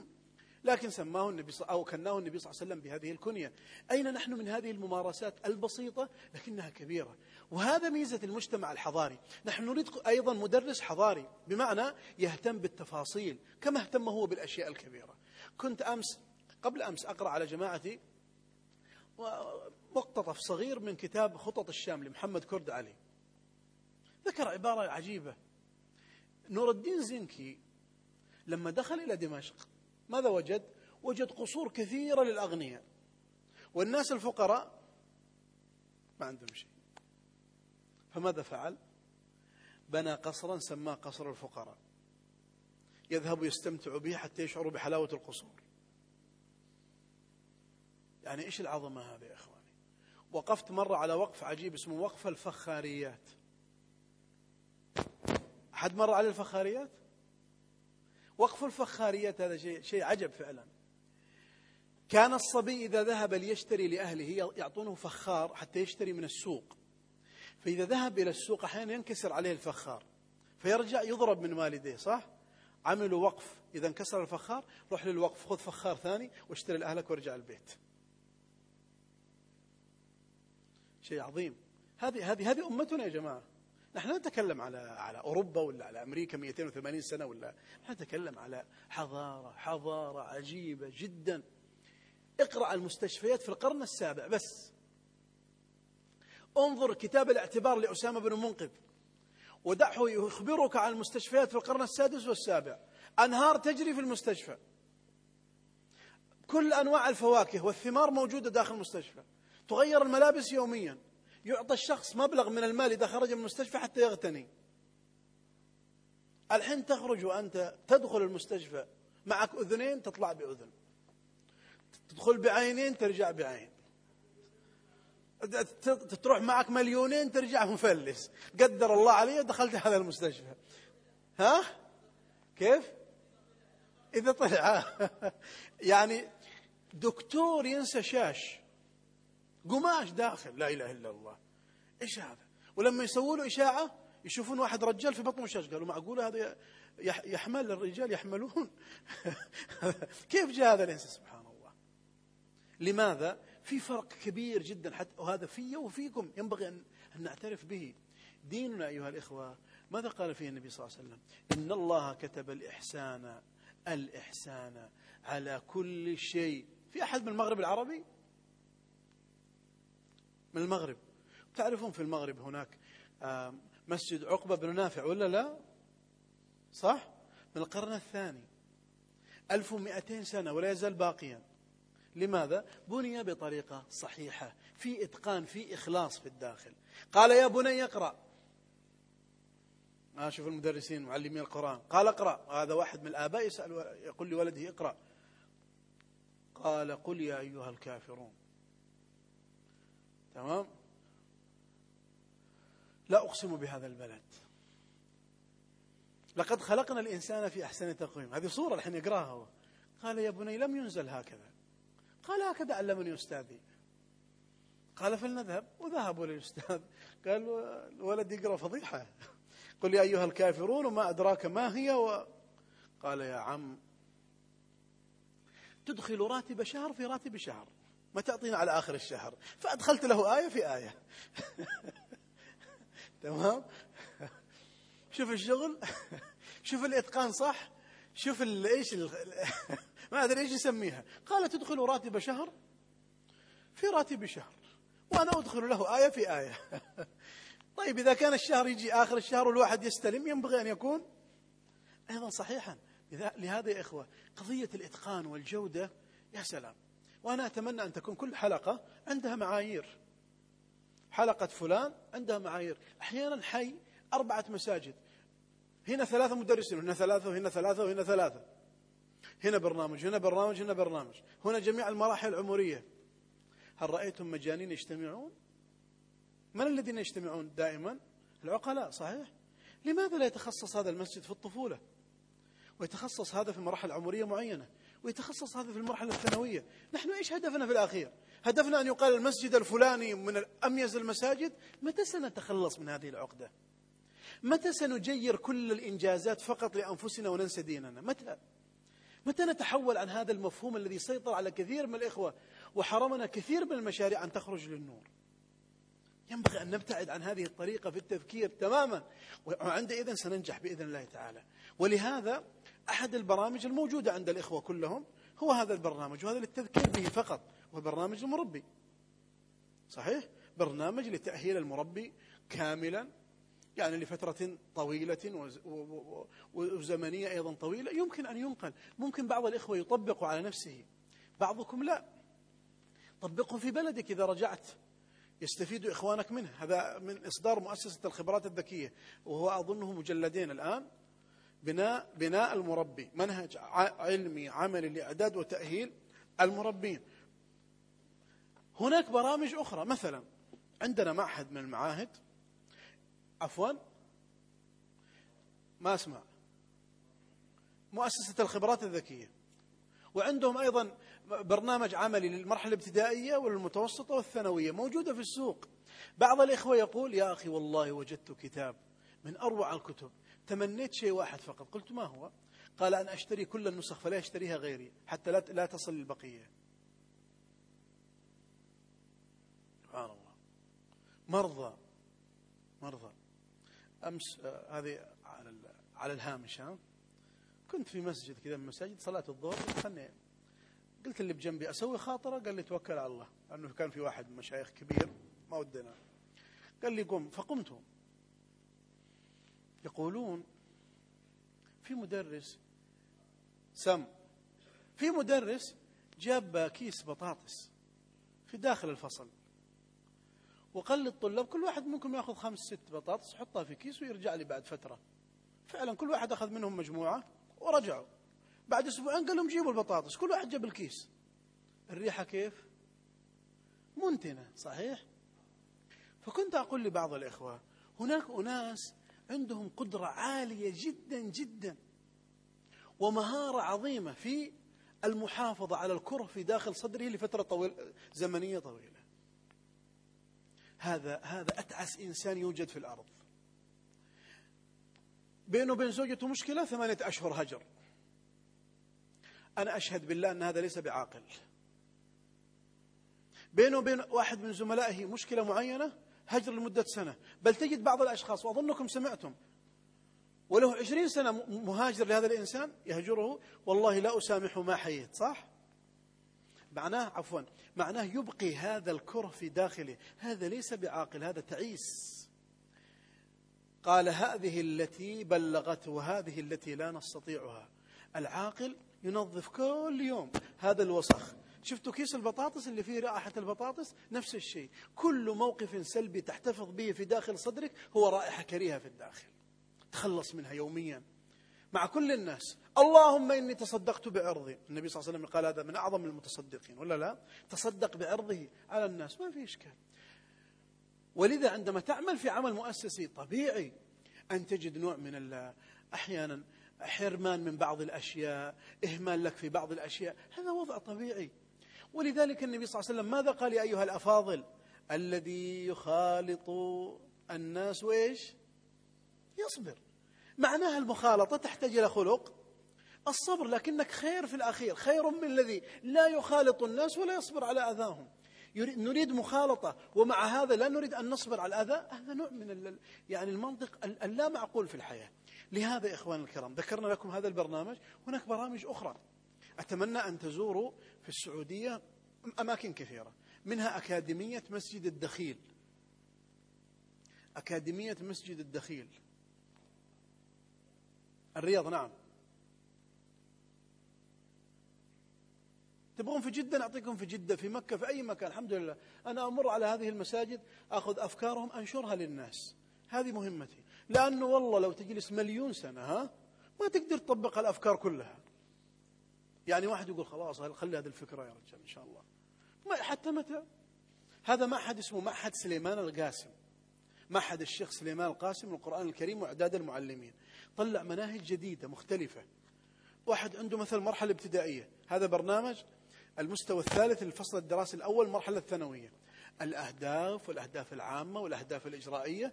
ثم بعد ذلك البرنامج كامل. من أول الفصل الدراسي. برحلاته محاضراته خواطره كل شيء. مسجد. هذا مسجد يطبق في مساجد يا إخوة. فمثلا يوم الأربعاء البرنامج زيارة ولي الأمر الطالب. وعندهم برنامج اسمه الذوقيات والقيم الجمالية في الإسلام. بعدين معلومات إضافية مراجع ومصادر. بعدين عندهم المعيار على التطبيق. ما الذي حصل؟ هل طبق ولا ما طبق؟ على مستوى المعلم ومستوى مستوى الطالب. عمل جبار هذا. وهذا المرحلة المتوسطة. تمام؟ وهذا القسم الثاني المرحلة الثانوية وهذا المرحلة الثانوية وهذا المرحلة المتوسطة وهذا المرحلة المتوسطة. وهناك أيضا برنامج المعلمين عندنا موضوع كبير دائما نقوله في اللقاءات. ابدأ من حيث انتهى. المشكلة من هم الآخرون؟ نحن. ولا لا؟ ولهذا صرنا مثل مثل صاحب أبي حنيفة. كل ليلة يطلع على السطح ويقول أضاعوني وأي فتى أضاعوا ليوم كريهة وسداد ثغري. بعدين سجنوه طلعوا أبو حنيفة قال أضعناك ولا ما أضعناك بمعنى أنه الواحد أحيانا يشعر بأنه عنده ما ليس عند غيره لا. ترى كل من توسع ذهنه وجد أن عند غيره من البرامج والأفكار ما لا توجد عنده. ولهذا أنا كنت في أول حياتي يعني العلمية ولا زلت في أولها أقول والله أن عندي مكتبة لا يشبه أي مكتبة أخرى. يوم رحت وشفت الناس. أثاري ما عندي شيء. وعندي من المشاريع والبرامج التي أنا مميز فيها وكذا. يا رجل نقابل أناس. فنجد أنهم أفضل منا وأخير منا. ليس بألف مرة بملايين المرات. ولهذا يقول لا ينبل الرجل لا يكون نبيلا حتى يأخذ عمن فوقه وعن أقرانه وعمن دونه. هذا الرجل العاقل أما اللي يستحي ولذلك عندنا نوع من أنواع التدليس في المصطلح تمام؟ اسمه تدريس الشيوخ. يصير واحد عنده كل حيلته شيخ واحد. لكنه يسميه في الإسناد الأول أبو إبراهيم في الإسناد الثاني أبو عبد الله وفي الإسناد الثالث أبو الحجاج المهري ينسب للجد الرابع عشر. فقط حتى يشعر الناس بأنه بأنه عنده يعني أناس كثر هذا غير صحيح. يعني نحتاج فعلا أن آه، نأخذ من كل أحد يوجد على هذه الكرة الأرضية ونستفيد منها. ولهذا هناك مشروع يسمى ثالث الوالدين. يطبق في ثلاث يطبق في بعض أوروبا وإن كان قليل ويطبق في جبال لبنان للنصارى. ها؟ المربي ثالث الوالدين. لكن ميزته يعني هو يعتني بالطفل دراسيا. يعتني بالطفل المسجل في حلق القرآن دراسيا. فيقدم قائمة للأب والأم عن وضع ولدهم دراسيا. وهل هو فعلا مميز أو لا؟ ويذهب إلى المدرسة ويتابع هذا الشاب ويرى تميزه الدراسي وجوانب القصور عنده دون أن تشعر المدرسة. ويكون هذا نوع من التواصل بينه وبين الأب. والآن عندنا جامع في آه، الرياض أتمنى أن تزوروه اسمه جامع الأميرة سارة في حي الشفاء. عندكم بطاقة صراف صح؟ من عنده بطاقة صراف؟ من منكم عنده شجاعة؟ يعطينا البطاقة ومع رقم السري. ها من؟ ما شاء الله اللي بيعطيني معناها فيها صفر. أحد استخدم البطاقة الممغنطة للطلاب؟ ها فيه ولا لا؟ روحوا زوروا مسجد الأميرة سارة. كل طالب عنده بطاقة وعنده رصيد وعنده رقم سري وعنده باركود خاص به وعنده حضور وغياب إلكتروني وعنده بصمة. إحنا دائما معنا دفتر مثل هذا. حضر لم يحضر. يعني لو جاء واحد من القرن الأول ها الثاني الثالث الرابع ما راح يعني ما راح يحصل فرق إلا المباني. وقبل شوي ماخذين دورة في الإلكترونيات ولا لا؟ طيب تخير شوي. لما لا يكون لكل واحد منكم هذا المشروع اسمه الباركود. باركود حلق القرآن الكريم. طبعا نظام تاج وصلكم منذ فترة طويلة لكن أحد يطبقه؟ ها يا أخوة أحد يطبق برنامج تاج؟ ولو في المنام. ممكن في المنام. لا أحد يطبق برنامج تاج ولا لا؟ رجاء يا مسلمين خذوا برنامج تاج الله يرحم والديكم. هذا برنامج مميز ينفعكم كثير جدا وبرنامج يعني خدم بملايين الريالات. بطاقة الطالب الممغنطة أرجو أن تحرصوا عليها. فيها كل معلومات الشخص. الأب يبغى يعرف هنا باركود. عنده جوال آيفون جالكسي يضغط على على الباركود تطلع له كل معلومات الولد. ما في داعي يروح ويسأل على الحلقة ومدري إيش. الإبن نايم روح بس خذ البطاقة من جيبه الباركود هنا بيصير اضغط عليه بال البرنامج موجود في الآيفون وفي الجلاكسي تضغط مباشرة. الإبن كم حفظ متى غاب متى حضر إيش كذا إيش الجوائز اللي حصل عليها كل شيء. مو؟ ها؟ الباركود بس باركود حلق القرآن. هم أول من أصدرهم المسجد الأميرة سارة والآن يطبق في كثير من من مدن الرياض. أرجو أن يطبق عندكم أيضا يا أيها الإخوة. ننتقل إلى برنامج آخر وهو برنامج للأخوات. خلونا نروح شوية نسائي. غمضوا أعينكم وقفلوا آذانكم. آه، الفتاة اليوم تواجه معركة كبيرة جدا على مستوى الأمة. ونحن نلاحظ الآن أن كثير من القيم التي كانت مزروعة في الأمهات والجدات غير موجودة في الجيل هذا. والأخوات يعانون من هذا. نحتاج إلى بيئة حاضنة. أول شيء ينبغي أن تكون البيئة مناسبة للفتاة. لا نريد بيئة عادية يا إخوان الكرام. إحنا عندنا نادي للفتاة في مسجدي. إن شاء الله إذا جئت الرياض بإذن الله أريكم هذا النادي. وشرينا أرض الآن لبناء نادي للشباب. مكلفنا خمسة ملايين ريال.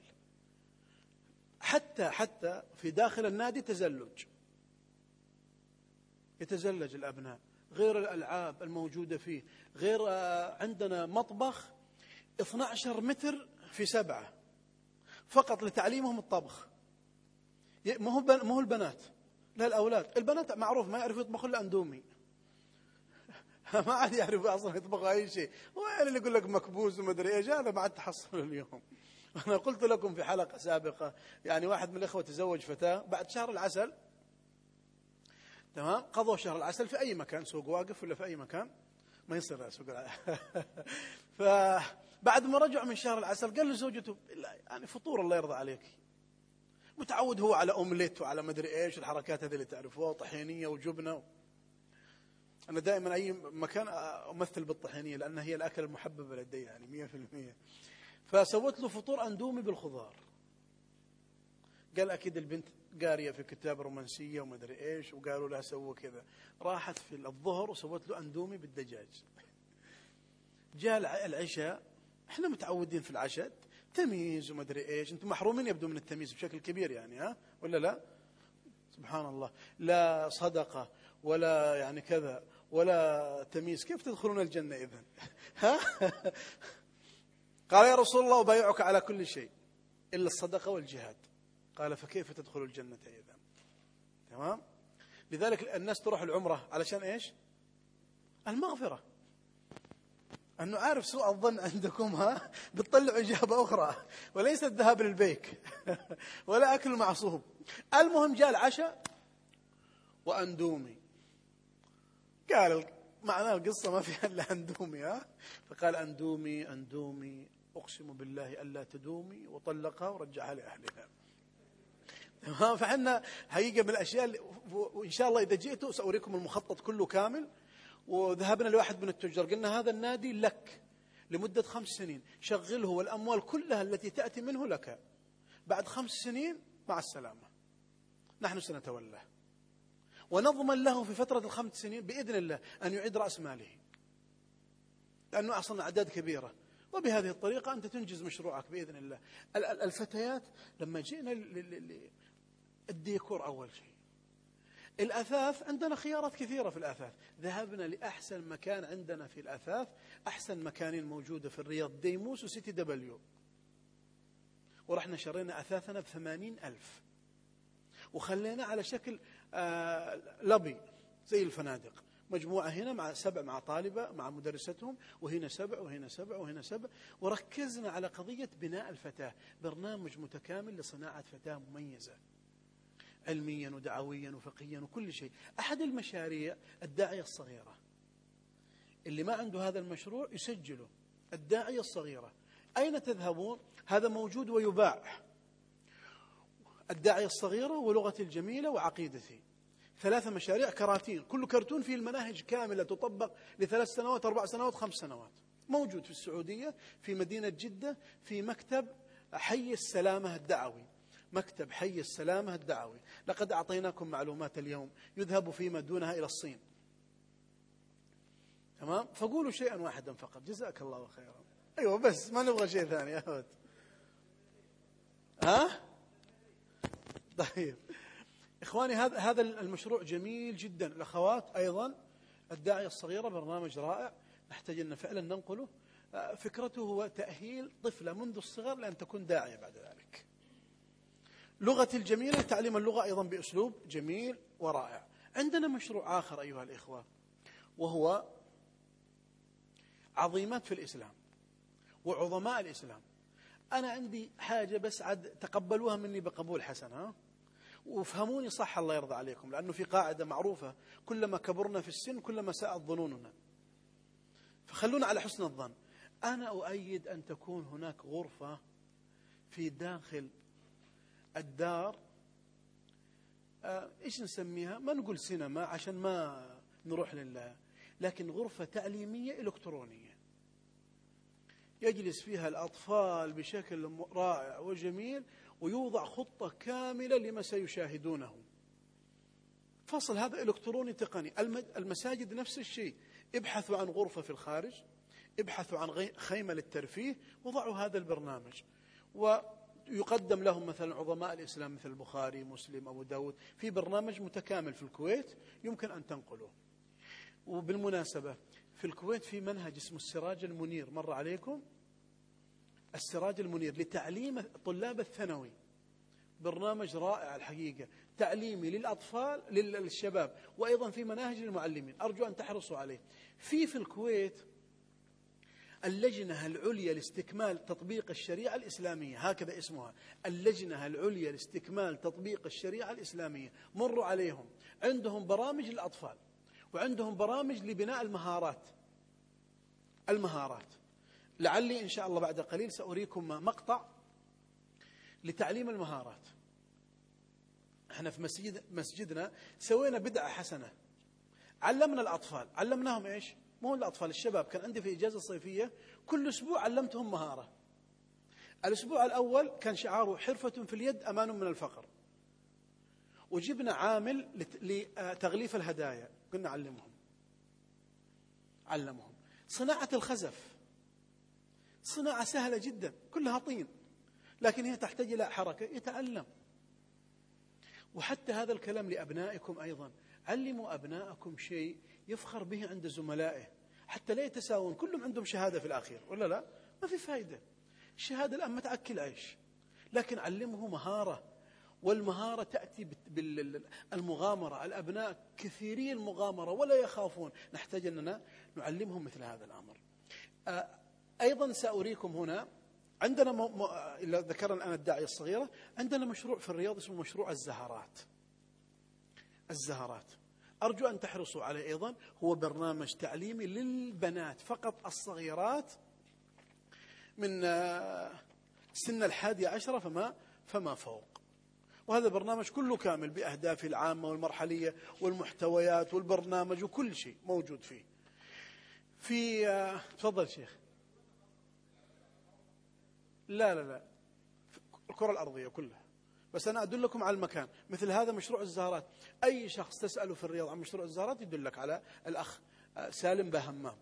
هو المسؤول عن هذا المشروع. جميل؟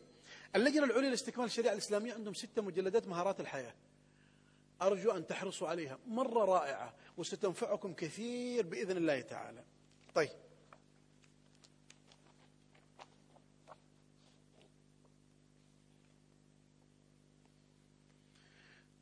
من في فترة تحفيظه القرآن الكريم خرج عشرة حفاظ إلى الآن. عشرة. عشرة حفاظ. في أحد؟ ما شاء الله عليك. في فترة كم؟ ها؟ لا اليمن غير. اليمن حالة استثنائية.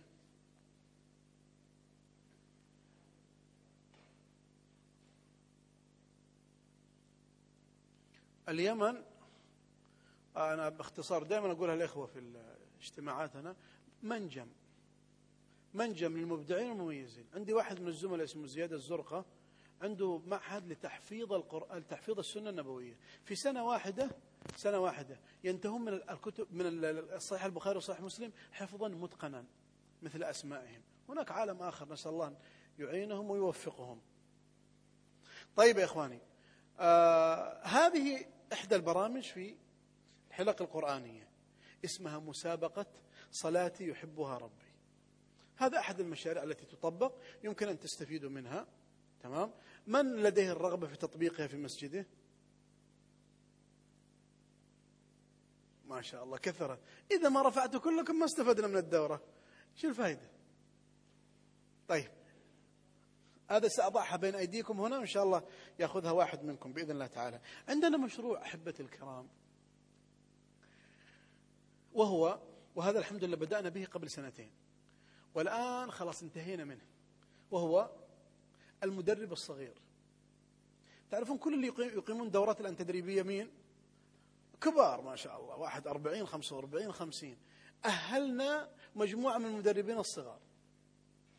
إن شاء الله يوم الخميس يوم الخميس ستة وعشرين أربعة عندي دورة في مسجدي لطفل صغير. في إدارة الوقت وفي التخطيط وفي كل شيء من الدورات اللي اللي تعرفوها.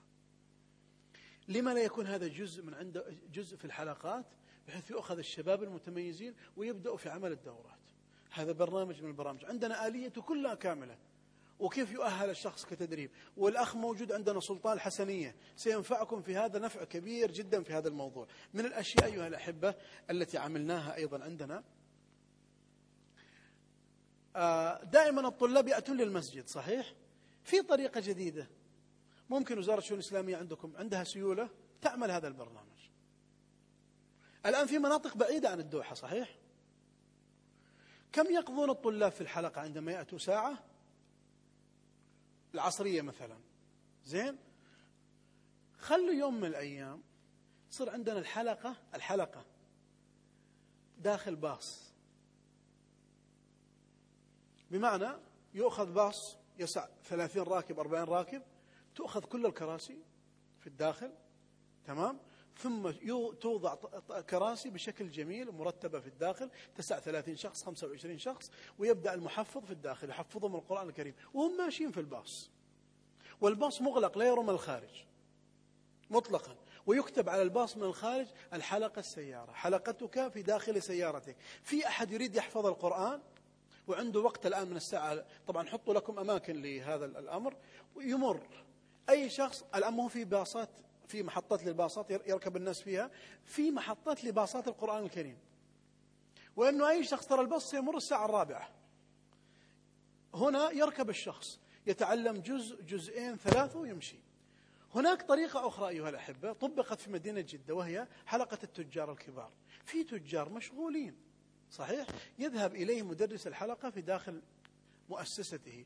يغلق الباب ثم يبدأ بتحفيظه القرآن الكريم. عندنا حلقة الآن في مدينة جدة تخرج فقط حفاظ لكتاب الله أعمار ستين سنة. ستين. اللي يذهب منكم إلى جدة يسأل عن المقرأة الثانية لتحفيظ القرآن الكريم بإشراف الشيخ آه، الجاروشة. تمام؟ شيخ تاجر موبيليا.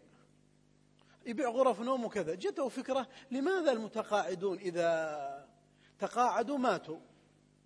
فقام وعمل مباشرة تحفيظ القرآن الكريم. أنا دخلت هذه المقرأة. المتقاعدين إحنا عندنا دائما قاعدة إنه إذا كبرنا خربنا صح؟ ما عاد في ذاكرة. يحفظون في عشرة أشهر القرآن كاملا. عشرة. ممكن بعضنا ها سامحونا على العبارة يفحط من 15 سنة في مكانه. معه ثلاثة أجزاء. سبحان الله. لذلك في كثير من الناس ما يشعرون بحلاوة التلاوة وحلاوة التحفيظ لأنهم غير حفظة. ولو كان حافظا لا حرص فعلا على ذلك تجد بعض الأسر لأن الأب والأم غير حافظين ما ينقلون هذه الخبرة لأولادهم ولا يعطون أولادهم الحفظ. احرصوا على أولادكم. إحنا عندنا برنامج حفظ في القرآن في المسجد. طبعا عندنا إحنا نخرج في السنة حافظ أو حافظين لكن عندنا شرط واحد فقط. أن الذي يحفظ عندنا في المسجد لا يحتاج أن يراجع. المراجعة مطلوبة صحيح؟ لكنه حفظ متقن. يوم الثلاثاء كرمت أحد الطلاب. شرينا له تكريم لابتوب. إحنا دائما نكرم أي حافظ بثلاث هدايا. بس هدايا هدايا ها؟ مو طقم قلم وشنطة. نعطي ثلاث هدايا. نعطي الشاب هدية راقية جدا ونعطي أمه طقم ألماس. تمام؟ ونعطي أبوه هدية. أنا أعرف بأن الأب أحيانا ليس له دور وقد تكون الأم ليس لها دور. لكن هذا نحن لا نستهدف نكرمهم على هذا الولد نكرمهم على الولد الثاني والثالث والرابع تمام؟ لهذا لما تريد تكرموا والأصل أنه كل واحد منا عنده آه عندكم أنتم برنامج التكريم للطلاب ولا لا؟ بمعنى أنه يصير معك برنامج من أول الفصل تقيد كل شيء إيجابي عند الابن. هذا موجود أكيد إن شاء الله عندكم. لكن إذا عملتم جوائز كرموا كل الأشخاص. أنا عندي الآن تكريم لأحد الآباء في شهر ستة على شرف الشيخ عبد الرحمن السديس. جئت له بهديتين. ها؟ لكنه رجل يستحق. وبعدين لما اشترينا الهدية كم كلفتنا توقعوا لهذا الأب. والله العظيم عشرين ألف ريال. والله عشرين ألف ريال. جئنا له بقطعة أثرية غالية جدا ب 12 ألف. ثم عملنا له هدية خاصة به في المصنع خارج بلادنا بثمانية آلاف ريال. ثم لما جئنا للدروع ما حطينا دروع أبو مياه في أحد من مصر؟ كريستال عصفور. معروف ولا لا؟ بنفسي قبل أسبوعين كنت في كريستال عصفور لأن الدروع أنا أضعها بجودة عالية جدا وبإخراج نفس شعار المسجد يقص وكريستال بعد النمسا كريستال عصفور مباشرة. إما أشتغل بجودة ها؟ بحيث بعد خمس سنوات تكون حلقتك والحلقات المجاورة هي أحسن. الحلقات يعني تماما. من الأشياء أيها الأحبة التي يحرص عليها آه، قاعة التدبر. يصير في قاعة خاصة بالتدبر في حلق القرآن الكريم. عندنا نادي أتمنى أن تكون عندنا غرفة سموها نادي التفكير. يدخل الواحد وهو مهيأ في الداخل بيحرك هذا. لأنه صدى تعرفون الصدى ها؟ مأكول. حلا فيه خلاص الحين. السيارات اللي اشتروها من أمريكا دائما فيها صدى من الأسفل صح؟ إحنا رؤوسنا صدت. يعني الطفل ما في تحريك للذهن. حركوا أذهان هؤلاء الأبناء. وعندكم برامج عملية كثيرة. وزوروني في مكتبتي أعطيكم قصص وأشياء مهولة جدا في قضية تنمية التفكير. من الأشياء المهمة في الحلق إحنا عندنا في مسجدنا آه، مشروع آه، جائزة التفوق الدراسي. حطوا جائزة للتفوق الدراسي. إحنا والله وضعنا لها أهداف ومعايير وجائزة ونوزعها يوم عيد الفطر. نعطيها لأفضل طالب. من المشاريع المهمة العناية بالموهوبين. في ناس موهوبة في ما الذي تفعلوه لهم؟ يقول يقول آه، محمد بن يقول الحافظ بن حجر محمد بن محمد بن محمد بن الهائم المصري. يلا ها يا أهل مصر. تمام؟ مصري وكمان من المنصورة. قال محمد بن محمد بن محمد بن الهائم المصري كان إماما حافظا ألف لنفسه ولغيره يعني خرج أحاديث غيره. وكان عالما بالفقه والعربية والحديث. حسن الصوت بالقرآن. دمث الأخلاق. يقول حافظ بن حجر قرأت أنا وإياه متنا للشافعية على أحد مشايخنا. وكان يصلي بنا في شهر رمضان. عوضه الله الجنة. مات وهو ابن ثمانية عشر سنة. فمن طاعش يا جماعة 18 وفي ناس 38 في ناس 48 في ناس 58 ولا يزال في مكانه. أنصحكم نصيحة لوجه الله. وأنا أخوكم الصغير وتقبلوها مني. هناك برنامج عالمي يطبق في أربعين دولة. خذوه. والله لن تندموا. أنا أخذت هذا البرنامج. صدقوني أول شعور جاءني بكيت. قلت ليتني أخذته في أول جامعة. لأنه سيغير مجرى حياتي. اسمه إل إم آي. إل إم آي. برنامج الإنتاجية الشخصية بس مشهور إم آي. لبول بام بول ماير. بول ماير. برنامج الإنتاجية الشخصية. برنامج الإنتاجية الشخصية LMI. من أجمل البرامج. والله لن تحتاج إلى كثير من الدورات اللي تقال في تخطيط والأهداف وما أدري إيش. خذها من أخيك. وجرب هذا البرنامج وادخل فيه. مدة البرنامج سبعة أسابيع. بمعدل ساعتين في الأسبوع. عربي. مترجم. تمام؟ يطبق في أربعين دولة الآن. ساعتين في الأسبوع تأخذها عند المدرب. زين؟ ثم عندك أربعة سيديات ثم عندك مذكرة كاملة تشتغل عليها الأسبوع كله كامل. ما الذي سيفعل لك هذا البرنامج؟ سوف يفضحك. أنت الآن تمشي وتشعر أن في خطأ بس ما أنت مكتشفه صح؟ تعرف أن في بلا بس ما تدري وين. هو يكشفه لك. ويضع عليك مجهر كبير جدا ويقول لك ترى أنت البلا عندك واحد اثنين ثلاثة أربعة. ثم يضع لك خطة بعد ذلك. والله رائع. خذوه يا إخواني خذوه. والله غير مجرى حياتي. موجود سهل. نسق مع الإخوة إن شاء الله وفي مدربين أصلا متخصصين فيه. إحنا عملنا البرنامج لكن آه سميناه آه AFC تمام؟ اللي هو أكاديمي فاميلي كمباني عملنا برنامج اسمه الإنتاجية الإيجابية الوالدية. كيف يكون الإنسان أب مميز ورائع؟ اليوم بعد المغرب مؤتمر صحفي في مركز عيد الاجتماعي على هذا البرنامج. سيطلق. وستجدونه يوم الأحد إن شاء الله في الجرائد. سيبدأ في قطر الآن لمدة ثلاثة أشهر نفس البرنامج لكن على الوالدين وعلى الأمهات أيضا الآباء والأمهات. ماشي يا إخوة؟ جائزة تفوق الدراسة. ذكرنا العناية بالموهوبين. طيب واحد عنده موهوبين يبغى يبغى يشوف إيش البرامج السابقة؟ اذهبوا إلى جامع نورين اللي هو عثمان بن عفان في مدينة الرياض. قل له نبغى الله يرضى عليك برنامج الموهوبين اللي عندك. نورين أعطيكم ما أسمعك يا أخي؟ آه. تعجبني التفصيل هذه. طيب. المسجد في جامع عثمان بن عفان قريب من جامعة الإمام مخرج سبعة ذو النورين يسمى. عندهم برنامج العناية بالموهوبين. فرصة. طيب أنا سأريكم الآن شيء. لا لا طلعنا. يلا ما في مشكلة. ممكن تستفيدوا منه إن شاء الله. يلا. أخ. أو ما في إنترنت. مسجدي أنا مسجد عمر بن عبد العزيز بحي الواحة. شوفوا لنا الإنترنت الله يرضى عليكم. يتم الآن الاتصال. إن شاء الله هذا هو بس. أيوه هذا هو.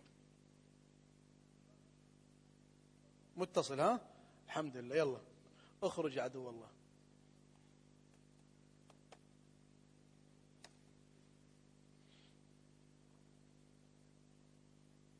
هذا موقع عندنا. آه ليش ما طلع؟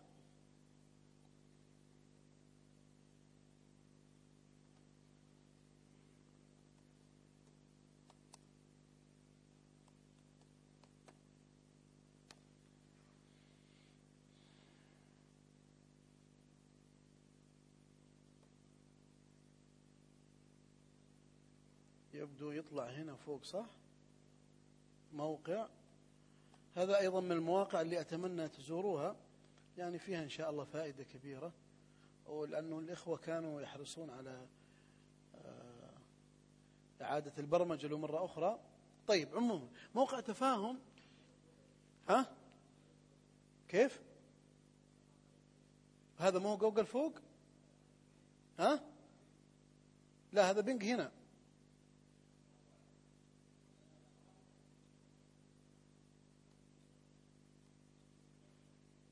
هذا هذا جوجل ولا لا؟ ها؟ ها جوجل أول إيه أنا ظن لأنه في الأول كان داخل معنا. اكتب جوجل بالعربي يجي إن شاء الله.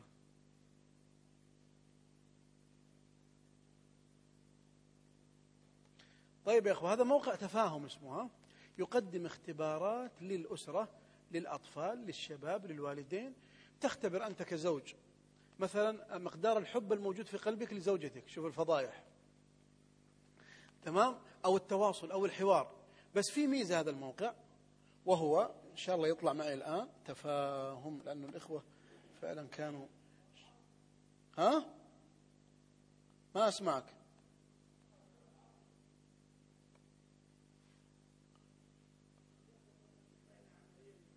أيوه شيخ أحمد عاد أنت أيوه قول. يا سلام.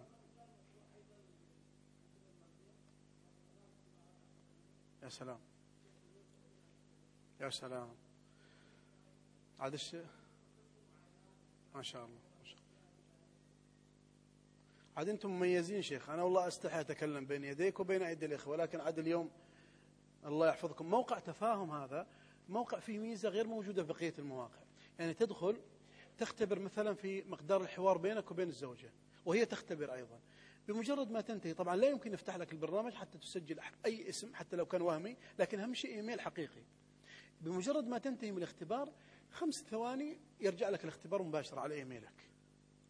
ويقول لك عندك مشكلة في كذا وكذا وكذا وعندك جوانب إيجابية في كذا وكذا. ثم وهذا الشيء الإضافي الذي أضفناه نعطيك مذكرة كاملة لإصلاح وضعك.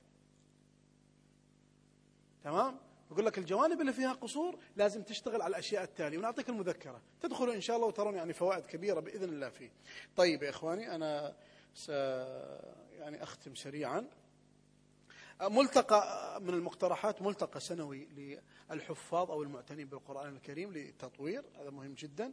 أتمنى أن يكون عندكم الحافظ الصغير. بمعنى يعني طلعوا لنا طلاب علم مميزين. نبغى واحد حافظ القرآن ويدخل في في طلب العلم. أنا الحقيقة أعيب على الحلقات إنه الطفل يجلس ست سنوات سبع سنوات لم يحفظ. ما يشعر بلذة الإنجاز؟ حفظوه ودخلوه في المتون العلمية. ادخلوا في المتون المختصرة الصغيرة. في منظومات في الآداب في المصطلح في غيرها من الأشياء. هذا سينفع إن شاء الله نفع كبير بإذن الله تعالى. أتمنى أن تكون لديكم مجموعة من المهرجانات أقصد اللقاءات الصيفية تتبناها حلق القرآن. عندنا إحنا مهرجان صناع الحياة كن قائدا كن داعيا. مهرجان عقل يفكر ويد تصنع. هذا طبقته عندي في المسجد لمدة ثلاثة أشهر. وكان من أروع الأشياء. خطط لحياتك سباق نحو الجنان قطار المعرفة. أنا إنسان راقي أنام المبدعة فرسان الحياة حدد هوايتك اقطع الفراغ بسكين العمل اصنع بنفسك الاقتصاد نصف المعيشة قناديل للحياة. هذه كلها برامج أغلبها طبق عندي في المسجد بحمد الله. ولذلك يحتاج أنكم تنتبهوا لمسألة اختيار العنوان. حملة. انتبهوا الحملات الدعائية المميزة. تعاونوا يا جماعة أنتم في حي واحد تعاونوا. في دولة واحدة في منطقة واحدة أيضا تعاونوا. أتمنى أنه ابتداء من فترة قادمة إن شاء الله يكون عندكم مفكرة لحفظ القرآن الكريم للمتابعة معتمدة في كل الحلقات. حيث كم عندك طالب؟ مية. خذ هذه مئتين. خلها في جيب الطفل. وإذا كان إلكتروني أحسن وأحسن حيث يتابع هذه الأشياء. ممكن برامج تحفيظ القرآن الكريم مثل مسك ونحو ذلك تفيدكم. هذا مثلا مفكرة اسمها مفكرة قارئ. للسنة كلها كاملة. دراسيا وعلميا وكل شيء موجودة هنا. تمام؟ هذه أيضا دفتر متابعة آخر. آه هناك آه يعني لتطوير الإخوة عندنا ورقة عمل أو ورق عمل للجمعيات الخيرية. كل سنة يعمل ملتقى الجمعيات الخيرية. هذا من أجودها. هذا عقد في عام 1426 قبل آه، ثمان سنوات. اسمه الملتقى الثاني للجمعيات الخيرية بتحفيظ القرآن الكريم أساليب وتقنيات تحقيق الريادة. في برامج عملية كثيرة. شوف كم صفحة. أمم. خذوه استفيدوا منه. قدموا لبعضكم البعض. تمام؟ نحتاج أنه يصير في قطر منتدى مدرسي القرآن الكريم. تلتقون في الشهر مرة في مكان ما. تلاقح أفكار تطبيق برامج إلى غير ذلك من الأشياء. إحنا طبقنا برنامج لذيذ الحقيقة. إن شاء الله أنه لذيذ. أنا عندي لذيذ. وهو بدل ما يجي الطلاب مركز صيفي. إحنا نروح لهم لبيوتهم. سوينا مركز صيفي إلكتروني. حطوا مركز صيفي إلكتروني. ويشتغلوا الناس من البيوت. إحنا عندنا أكاديمية الآن نفتحها. أكاديمية اسمها أكاديمية الأسرة. فيها 22 دبلوم. من ضمنها دبلوم للشباب. دبلوم للشباب. وناخذ مجموعة من الشباب واسبوعين كاملة. نعطيه برنامج لإدارة حياته من الألف إلى الياء. أيضا من الأشياء مشروع طبقناه خير جليس. هذا كان رائع جدا. براعم الإيمان. كيف نغرس الإيمان في قلوب الغلمان؟ وكان برنامج فقط الاهتمام بالجانب العقدي. آه، ذكرت لكم آه، قضية المدرب والمدرب مجموعة أيضا من الأشياء والأفكار الموجودة عندي لفتاة المستقبل أم المستقبل. نحن فتيات مبدعات العرسان الجدد دورات بناتية نحن البارات. الآن في في الكويت وطبق في أكثر من مكان. أظن عندكم في قطر ملكة جمال الأخلاق يعني لو طبق هذا جيد أتمنى أنه حلق القرآن كلها الموجودة في قطر. يخرجون جائزة لأفضل شاب. أفضل شاب في كل سنة. وضعوا معايير لأفضل شاب ثم بعد ذلك أعطوه كثير من الجوائز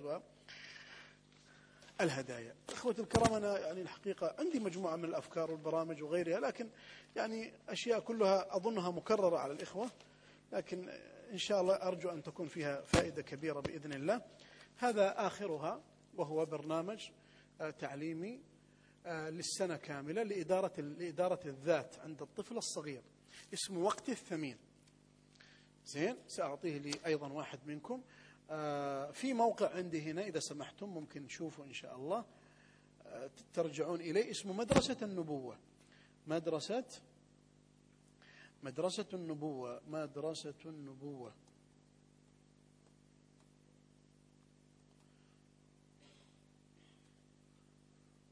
هذا سينفعكم كثير إن شاء الله. إن شاء الله يخرج بس ما أدري إيش فيها اليوم المواقع دي. عندنا أربع مواقع. يشرف عليها أخوكم. الأول تاج الفهارس وتفاهم بلا حدود. والثالث عندنا مدرسة النبوة. والرابع الثالث. وعندنا الرابع مهم جدا تدخلوا عليه اسمه اقرأ وامرح. وهذا سينفع الطلاب كثيرا بإذن الله وخاصة في تقديم البحوث والمشاريع. عندنا الآن مشاريع كل ثلاثة طلاب يتولوا مشروع في أثناء الفصل الدراسي ويقدموا تقرير نهائي في الأخير على سيدي. حرصوا عليه في فائدة كبيرة إن شاء الله لكم. طيب أنا انتهيت. سأسمع أسئلة من الإخوة وسأشغل هذا الفلاش كذا سريعا. أعطيكم أعطيكم شيء. آه، أنا شاكر لكم. أتعبتكم شوي معايا اليوم. وأسأل الله عز وجل أن ينفعني وإياكم بما سمعنا. معنا